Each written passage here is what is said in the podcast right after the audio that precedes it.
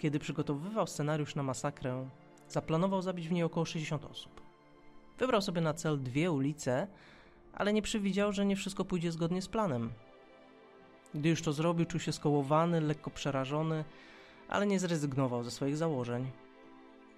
Miał depresję i uważał, że całe społeczeństwo boryka się z tym samym problemem. Postanowił więc zabijać ludzi, aby uwolnić ich od tego cierpienia.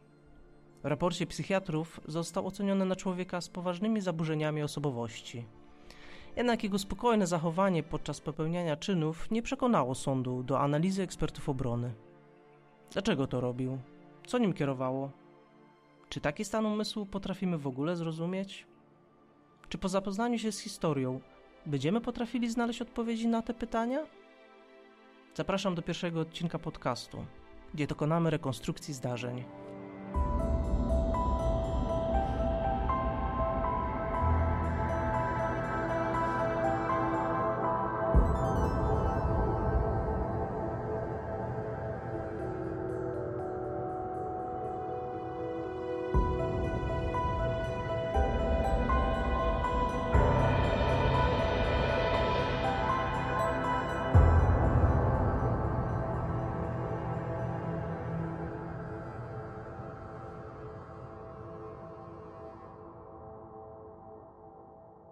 Fabelczysland.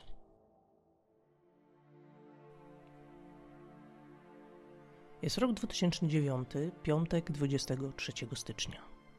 Miejsce, do którego się przenosimy to Belgia, a dokładnie miasto Sint-Gilles bij Dendermonde, które należy do gminy Dendermonde w Ostflanderen, czyli po naszemu Flandrii Wschodniej. To miastko, bądź też Dilgeminte, jak mówi się potocznie w Belgii, liczy około 13 tysięcy mieszkańców i obejmuje prawie 11 km2. Jest znane z międzynarodowego turnieju rugby oraz Parady Kwiatów, która odbywa się w każdą pierwszą niedzielę września. Dzień jest ponury, szary, ogólnie nieprzyjemny. Chwilę po godzinie 10 w żłobku Fabelciesland, po naszemu bajkowa kraina, znajdującego się przy ulicy 5 stycznia pod numerem 19, przez boczne drzwi do placówki próbuje się dostać młody mężczyzna. Jedna z opiekunek powstrzymuje go i pyta, czego sobie życzy. W odpowiedzi dostaje wyjaśnienie, że odwiedzający potrzebuje informacji na temat, jak donoszą niektóre źródła, wpisania jego córki do żłobka.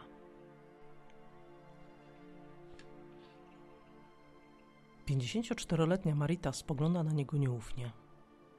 Drzwi wejściowe zawsze były zamknięte na zamek, a odwiedzający ich rodzice nigdy nie wchodzili bocznym wejściem – Marita zauważa w ręce chłopaka ostry przedmiot i popycha drzwi, starając się zapobiec wtargnięciu mężczyzny do placówki.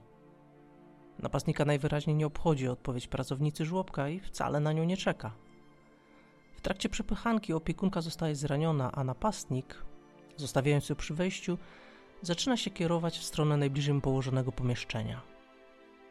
Kiedy druga opiekunka zauważa zajście, uderza mężczyznę bliżej nieokreślonym przedmiotem, próbując go powstrzymać, albo przynajmniej odebrać mu broń. Nie jest jednak w stanie dać mu rady. Kobieta zostaje zaatakowana, po czym sprawca rusza dalej do pomieszczenia, w którym śpią najmłodsze dzieci, a następnie do bawialni. Przemieszczając się po budynku, wymachuje dużym nożem, przez co robi krzywdę każdej napotkanej osobie, głównie dzieciom. Panie z personelu żłobka zaczynają brać dzieci na ręce i próbują uciekać na zewnątrz, jednak nawet one są atakowane przez napastnika. Opiekunce z grupy starszych dzieci udaje się zachować zimną krew i dzwoni pod numer alarmowy. Opisuje lokalnej policji zaistniałą sytuację, w której do lokalu wszedł uzbrojony, bliżej nieznany personelowi młody mężczyzna, który rani dzieci oraz pracownicę żłobka. Sprawca jeszcze nie uciekł i znajduje się w budynku. Jest godzina 10.19. Po odebraniu telefonu od opiekunki żłobka na miejsce zostały wysłane jednostki policyjne i medyczne. Zanim jednak dotrą na miejsce, opiekunka po pięciu minutach jeszcze raz dzwoni na numer alarmowy i błaga o szybkie przybycie. Po sześciu minutach karetki i policja podjeżdżają pod żłobek. Lekarze muszą czekać z wejściem do budynku do momentu, kiedy funkcjonariusze sprawdzą, czy napastnik nadal jest obecny w środku. Dopiero kiedy sytuacja się wyklaruje, medycy będą mogli zająć się udzielaniem pierwszej pomocy. Oględziny miejsca tragedii nie należą do przyjemnych widoków. Policja miała nadzieję, że informacja przekazana telefonicznie okaże się brutalnym żartem, albo chociaż nie będzie wyglądała tak, jak niestety wygląda. Ciała leżą na ziemi, porozrzucane, panuje chaos i panika. Policja przeszukuje pomieszczenia, aby ustalić, gdzie znajduje się podejrzany. Na miejsce zostają przywołane kolejne jednostki służb ratunkowych. Sprawcy nie ma śladu. Okazuje się, że uciekł tylnym wyjściem budynku. Sanitariusze zajmują się rannymi, a przysłuchani świadkowie informują, że człowiek odpowiedzialny za ten chaos to młody mężczyzna o wzroście 1,70 m, m, dość charakterystycznym makijażu, czyli pomalowanej na biało twarzy, pomalowanymi na ciemno oczami i w różowo-czerwonawych włosach. Anglojęzyczne media nazwał go później Jokerem po ostatniej roli filmowej Hita Ledgera, w której ten aktor wciela się w postać o podobnym makijażu. Dodatkowo na dzień przed popełnieniem tej zbrodni przypada rocznica śmierci aktora, ale prokuratura nie będzie chciała reagować na założenie, że sprawca inspirował się tymi zdarzeniami. Na miejscu zostają znalezione dwie ofiary śmiertelne: Marita i sześciomiesięczny Leon. Trzecią będzie dziewięciomiesięczny Cornel, który w stanie krytycznym zostaje na ten moment podwieziony do szpitala. Dziesięć ciężko rannych dzieci i dwie opiekunki dostają na miejscu niezbędną pomoc medyczną, a następnie zostają przetransportowane do sześciu różnych szpitali. Powiadomieni o zdarzeniu spanikowani rodzice dzieci zaczynają przyjeżdżać pod żłobek, aby na miejscu uzyskać informacje dotyczącą ich pociech. Policja natychmiast ogłasza poszukiwanie zbiega. Oceniają, że jest duża szansa na to, iż mógłby zechcieć powtórzyć scenariusz dzisiejszego poranka. Jest godzina 10.40. Policjant odbywający patrol w jednej z dzielnic miejscowości Büchenhout-Lebeke, oddalonej około 5 km od żłobka Fabelciesland, otrzymuje zgłoszenie o zbiegłym mężczyźnie, który jest uzbrojony, niebezpieczny i prawdopodobnie może znajdować się w jego okolicy. Według przekazanego mu opisu podejrzany ma na sobie szaro przeciwdeszczową kurtkę i czarny plecak. Ma też różowo-czerwonawe włosy oraz przemieszcza się na czarnym rowerze. Dzielnicowo objeżdża teren, przesłuchuje napotkanych ludzi, ale nie zdobywa żadnych interesujących go informacji.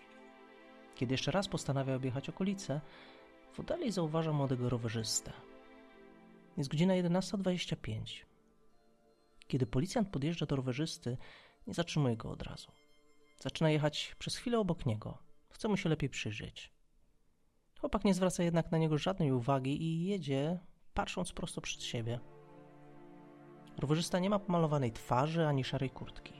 Jednak jego brak zainteresowania osobą policjanta jest trochę zastanawiający. Dlatego dzielnicowy prosi go o zatrzymanie się. Mężczyzna nie ucieka, ale też nie chce podać na przykład swojego imienia. Stwierdza także, że kieruje się do centrum handlowego, który jednak, jak zauważa funkcjonariusz, leży po przeciwnej stronie miasta. Ponieważ zachowanie rowerzysty jest dosyć podejrzane, policjant prosi kolegów o wsparcie. Po ich przybyciu następuje przeszukanie chłopaka. Wtedy w jego plecaku zostają znalezione ubrania, nóż, siekiera i atrapa pistoletu, bądź też pistolet zabawkowy, w zależności od źródeł. Pod ubraniami ma założoną na sobie kamizelkę kuloodporną. Znajdują także przy nim adresy dwóch żłobków oddalonych od Fabelciesland o jakieś 3 km. Jest to Püterland, w wolnym tłumaczeniu Świat Maluchów, i Zonesheim, czyli Promek. Zapytany ponownie o imię podaje fałszywe dane. Wymyślony Francis Verbeek, zamieszkały na Bakerstraat 101 w Hrembergen, niestety nie istnieje. Dzień po zatrzymaniu podejrzanego prokuratura przedstawia w mediach zarys wydarzeń i opis domniemanego sprawcy. Jest to dwudziestolatek z Sinai, który podczas napadu nie był pod wpływem substancji psychoaktywnych. Nie był znany w świadku przestępczym, i nie był w przeszłości internowany w żadnym zakładzie psychiatrycznym. Podczas pierwszego przesłuchania, które odbyło się wieczorem 23 stycznia, mężczyzna przedstawił aż pięć różnych osobowości. Choć jak się później przyzna, były one wytworem jego wyobraźni, mającym na celu utrudnienie współpracy ze służbami ścigania. Okazuje się, że podejrzany wybrał przedszkole Fabelciesland prawdopodobnie w sposób przypadkowy – sugerując się mapą dostępną w internecie, na której zaznaczył jeszcze dwa inne żłobki w okolicy. Mężczyzna nie przyznaje się do popełnionych czynów, ale zostaje formalnie rozpoznany przez ofiary, którym policja przedstawiła jego zdjęcia. Nie ma więc wątpliwości, że to on był sprawcą omawianych czynów. To przesłuchanie trwa około 5 godzin i w trakcie niego śledczy rejestrują zarówno dźwięk, jak i wizję. Należy zaznaczyć, że jest to jednak bardziej monolog przesłuchujących, a nie rozmowa, ponieważ chłopak nie chce współpracować. W pewnym momencie całkowicie traci chęć do rozmowy, a później także odmawia jedzenia i picia. Ponadto, aby go przetransportować z i do lokalu, konieczne było przenoszenie go, ponieważ mężczyzna pozorował brak zdolności do poruszania się. Pozorował, ponieważ podczas nieobecności funkcjonariuszy porusza się normalnie, co zostaje właśnie zarejestrowane przez kamery monitorujące przesłuchanie. W związku ze strajkiem głodowym mężczyzna zostaje przetransportowany do oddziału medycznego więzienia w Bruche. 5 marca młody mężczyzna składa pełne zeznania i przyznaje się do zbrodni, a dodatkowo opowiada o jeszcze jednym morderstwie, które popełnił. 72-letnia Elza van Ramdok została zamordowana we własnym domu, niecały tydzień przed wtargnięciem chłopaka do żłobka Fabelciesland. Kobieta została ugodzona nożem, a sprawca, po uprzednim sprawdzeniu, czy ofiara na pewno nie żyje, wytarł sobie nóż o jej sweter. Sprawdzenie stanu ofiary miało jej pomóc, gdyż, e, jak twierdzi mężczyzna, byłoby to okrutne zostawić ją przy życiu w takim stanie. O zabójstwo kobiety w tamtym momencie był podejrzewany jej mąż. Śledczy dowiadują się także, że przesłuchiwany już wcześniej odwiedził kilka innych placówek przedszkolnych i planował kolejne ataki. Mężczyzna zostaje zatrzymany w areszcie. Na przełomie 2009 i 2010 roku psychiatrzy przeprowadzają obserwacje oraz przygotowują raport dotyczący stanu mentalnego oskarżonego. 23 marca 2010 roku stwierdzają, że był poczytalny w chwili popełnienia zarzucanych mu czynów. Po złożeniu skargi przez adwokata na psychiatrów i szukaniu dowodów na niepoczytalność swojego klienta, dopiero w maju 2012 roku zostaje przekazane pozwolenie na rozpoczęcie procesu. Gdyby oskarżony został uznany za niepoczytalnego, zapewne internowano by go w zakładzie psychiatrycznym. Kim de Halder, bo o tym właśnie chłopaku rozpisywały się wówczas wszystkie media, jest niski, ma szczupłą sylwetkę i niepozorny wygląd. Nie rzuca się w oczy i nie okazuje agresywnego zachowania. Urodzony w 1988 roku i wychowany w Saint-Nicolas, mieście we wschodniej Flandrii, dorastał w relatywnie normalnych warunkach. Podczas procesu dowiadujemy się wielu szczegółów z jego życia prywatnego. Aby tu zilustrować, adwokat odnosi się do dokumentu szkolnego, w którym matka opisywała trzyletniego Kima jako wrażliwego, aktywnego, przywiązanego, ciekawego i radosnego. Miał również dobre kontakty z innymi dziećmi i nauczycielką. Adwokat dodaje jeszcze, że rodzice otaczali swoje podomstwo ogromną miłością. Kiedy Kim ma 9 lat, jego matka mówi o nim, że jest bardzo zamknięty i niechętnie otwiera się przed innymi ludźmi. A jego nauczycielka z lat 1997-2000 wspomina go jako ucznia, który miał niewielu przyjaciół. Dodatkowo adwokat opowiada o rodzinnym wyjeździe do Hiszpanii latem 2004 roku. Chłopak zachowywał się tam niepokojąco, był bardzo drażliwy. Płakał bez powodu i zdrapywał tapety ze ścian. Po wakacjach dodatkowo zapuścił długie włosy i zaczął ubierać się na czarno. Neurolog dziecięcy diagnozuje Kima depresją. Przepisuje leki i kieruje do psychologa. W aktach jest zapisane, że Helder już od dwóch lat był bardzo zamknięty i ma mało kontaktu z rówieśnikami. Do tego wykłasza wobec matki obraźliwe uwagi i coraz bardziej się izoluje. Nie unika rodzinnych spotkań. Psycholożka po kilku rozmowach z chłopcem stwierdza jednak, że terapia nie jest potrzebna, ale zauważa nadmierny niepokój matki. Właśnie rodzicielka zostanie bardzo niesłusznie, jak się później okaże, oskarżona o bycie po prostu nadmiernie zatroskaną. Gdy De Helder kończy 18 lat, a jest to w roku 2006, jego babcia organizuje przyjęcie i jak opowiada, Kim siedział wtedy bardzo wściekły. Ogólnie zaprzestał już brać udziału w rodzinnych spotkaniach i zaczął się od rodziny coraz bardziej izolować. W tym samym roku Kim próbuje popełnić samobójstwo, kładąc się na torach. Maszynista go jednak zauważa, a Dehelder ucieka. Nikt by o tym nie wiedział, gdyby sam tego nie ujawnił, powiedział adwokat. W związku z zachowaniem syna rodzice podejmują próby umieszczenia go w szpitalu psychiatrycznym. Kiedy szukają informacji na ten temat, psychiatra stwierdza, że w zachowaniu ich syna nie ma niczego nadzwyczajnego. Nie ma potrzeby umieszczania go w środku psychiatrycznym. Latem 2007 roku De Helder siedzi codziennie w ciemności w swoim pokoju. Twierdził, że deszyfrował kody na polecenie policji, wyjaśnia adwokat. We wrześniu oskarżony zaczyna pracować, ale według obrońcy Kim nadal wykazuje wiele niepokojących objawów. Na przykład sam spędza Sylwestra, a jego kolega widział, jak oskarżony rozmawia sam ze sobą. Następnie rodzice przypadkowo odkrywają, że De Helder wynajął własne mieszkanie. Mały apartament na pierwszym piętrze na ulicy Elsenstraat. Proponują mu zamiast tego postawienie przyczepy na ich działce. Kim nawet rozważa tę opcję, ale chce ogrodzenia z płyt i lustra. Zaczęły się prześladowcze myśli, opowiada adwokat. De Helder kupuje też już trzeci rower, bo wcześniejszy miał według niego coś nie tak z długością pedałów. De Helder zaprzestuje w końcu kontaktów z rodzicami i dziadkami, a 22 listopada 2008 roku widzi się po raz ostatni ze swoim najlepszym przyjacielem. Według tego chłopaka Kim był otwarty na ludzi i dużo mówił zwłaszcza o polityce, którą był w znacznym stopniu zainteresowany. Był nastawiony na flamandzkie korzenie, często dyskutował o winie Walończyków, przez których flamandowie musieli płacić wysokie podatki. Opinia ta jest jednak standardową opinią w Belgii, ponieważ między tymi dwiema częściami kraju od zawsze istniała duża gospodarcza przepaść. W szkole średniej De Haller i jego przyjaciel razem rozpoczynają naukę w szkole wyższej którą notabene przyszły morderca ukończy na kierunku asystenta aptekarza. Ale nawet w tym czasie mężczyźni nie podejmują tematu problemów psychicznych Kima, ani jego próby samobójczej.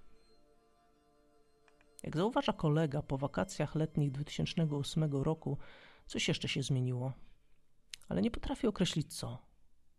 Miało to jednak wpływ na postrzegania Kima przez innych ludzi, ponieważ znajomi ze szkoły zaczęli Deheldera nazywać szatanem ale poza tym opisują go jako inteligentnego, cichego chłopca, może samotnika, który po prostu od czasu czasu dziwnie się zachowywał. Przyjaciel wspomina jeszcze swoje urodziny z listopada 2008 roku. Rzuciło mi się w oczy, że Kim dużo jadł. Poza tym obdarował solenizanta także wieloma prezentami. Były to dwie gry, zegarek i puzzle. Chłopak był wtedy bardzo rozmowny i wyglądał na szczęśliwego. Kolega dodaje jeszcze, że uważał Kima za przyjemną osobę i był nawet w niego troszkę zapatrzony. Po urodzinach przyjaciel dostaje jeszcze SMS-a na nowy rok i na tym urywa się jego kontakt z Kimem. Jak przedstawia adwokat de Heldera, w okresie przed wydarzeniami mężczyzna przebywał w całkowitej izolacji, a jego mieszkanie, w którym mieszkał od trzech miesięcy, nie miało absolutnie żadnego wyposażenia. Według niego oskarżony nie miał nawet łóżka ani materaca i spał na podłodze pod drzwiami sypialni. A to z obawy przed zamordowaniem przed właściciel, przez właściciela apartamentu. Zachowanie Kima stawało się coraz bardziej dziwaczne. Twierdził, że jest inwigilowany przez teleskop i nie chciał już mieć kontaktu fizycznego z nikim. Czasami odmawiał jedzenia lub kupował już gotowe. Jasny przejaw przekonania o możliwości zatrucia, mówi adwokat. Twierdził także, że na dachu siedzą ludziki, z którymi rozmawiał, a to wskazuje na halucynacje słuchowe. Dodaje jeszcze, myśl o zabiciu nie pojawiła się nagle. W pewnym momencie po prostu zaczęła przenikać do jego świata. Dwa tygodnie przed zdarzeniami Kim rzuca pracę jako sprzedawca w hurtowni Van Mortal w Bellseale. 16 stycznia 2009 roku Kim de Halder wstaje około 10 rano. Tego dnia ma wykonać bezwzględne polecenie pozbawienia kogoś życia. W dowolnym mieście, na dowolnej ulicy, byleby w miarę oddalono jego miejsca zamieszkania, tak aby policja nie wpadła szybko na jego trop. Wybierał ulicę Halkstrat we Frasen, bo właśnie tam przez dwa dni przeprowadzał rozeznanie terenu. Sąsiedzi przyszłej ofiary mieli szczęście, bo ich de Halder w domu nie zastał, ale do mieszkania Elzy już został wpuszczony. Podał się za pracownika wodociągów. Na tę okazję zaopatrzył się w sklepie w komplet plakietek identyfikujących znanego producenta drukarek. Kiedy został wpuszczony do domu Elzy, rozejrzał się po mieszkaniu. Wspomina, że najbardziej zapadł mu w pamięć fotel, telewizor i zdjęcie rodzinne. Nie zadawał pytań i nie interesował się tym, czy w domu obecne są inne osoby. Zadał jeden cios, ale kiedy uznał, że ofiara chce się bronić, zadał 17 kolejnych. Po dokonaniu zbrodni zapytał, wołając, czy w domu jest ktoś jeszcze obecny. Oprócz białego kota przy tylnych drzwiach nie było nikogo. Wtedy wrócił do ofiary i dwa razy postukał nożem o jej policzek, żeby sprawdzić, czy żyje. Helder zeznaje, że miał złe samopoczucie po zabiciu człowieka. De Helder zeznaje, że miał złe samopoczucie po zabiciu człowieka. Po powrocie do swojego apartamentu długi czas siedział na brzegu wanny i zastanawiał się nad tym, co zrobił. Zapytany dlaczego kontynuował swoje czyny, odpowiada: Nie miałem wyboru. Co miałem zrobić? Kiedy do mnie dotarło, poczułem jeszcze większą potrzebę robienia krzywdy. Dzień po pierwszym morderstwie Kim stworzył dokument tekstowy na swoim komputerze pod tytułem Sammenfatting, czyli podsumowanie. To była tylko statystyka, nie żadna lista osiągnięć, podkreśla oskarżony. Jego odpowiedzi są powolne, a sprawca długo i dokładnie dobiera słowa wypowiedzi. Nie tylko podczas opisu samego przebiegu zdarzenia, ale nawet wtedy, gdy zostaje zapytany przez sędziego o swoje imię i nazwisko.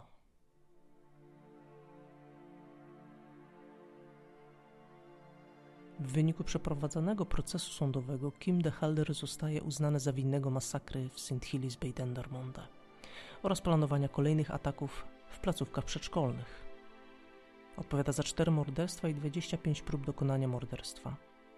Zostaje uznany za poczytalnego w momencie popełniania czynów karnych. 22 czerwca 2013 roku sąd skazuje go na karę dożywotniego pozbawienia wolności.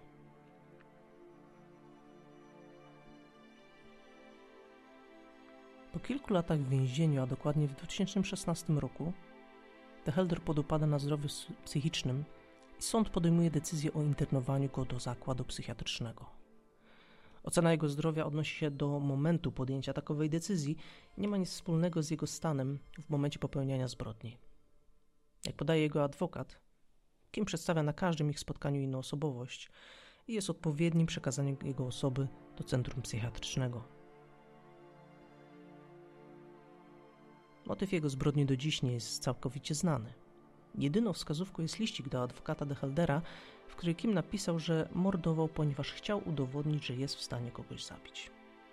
Rodzice mordercy każdego sobotniego popołudnia odwiedzają swojego syna.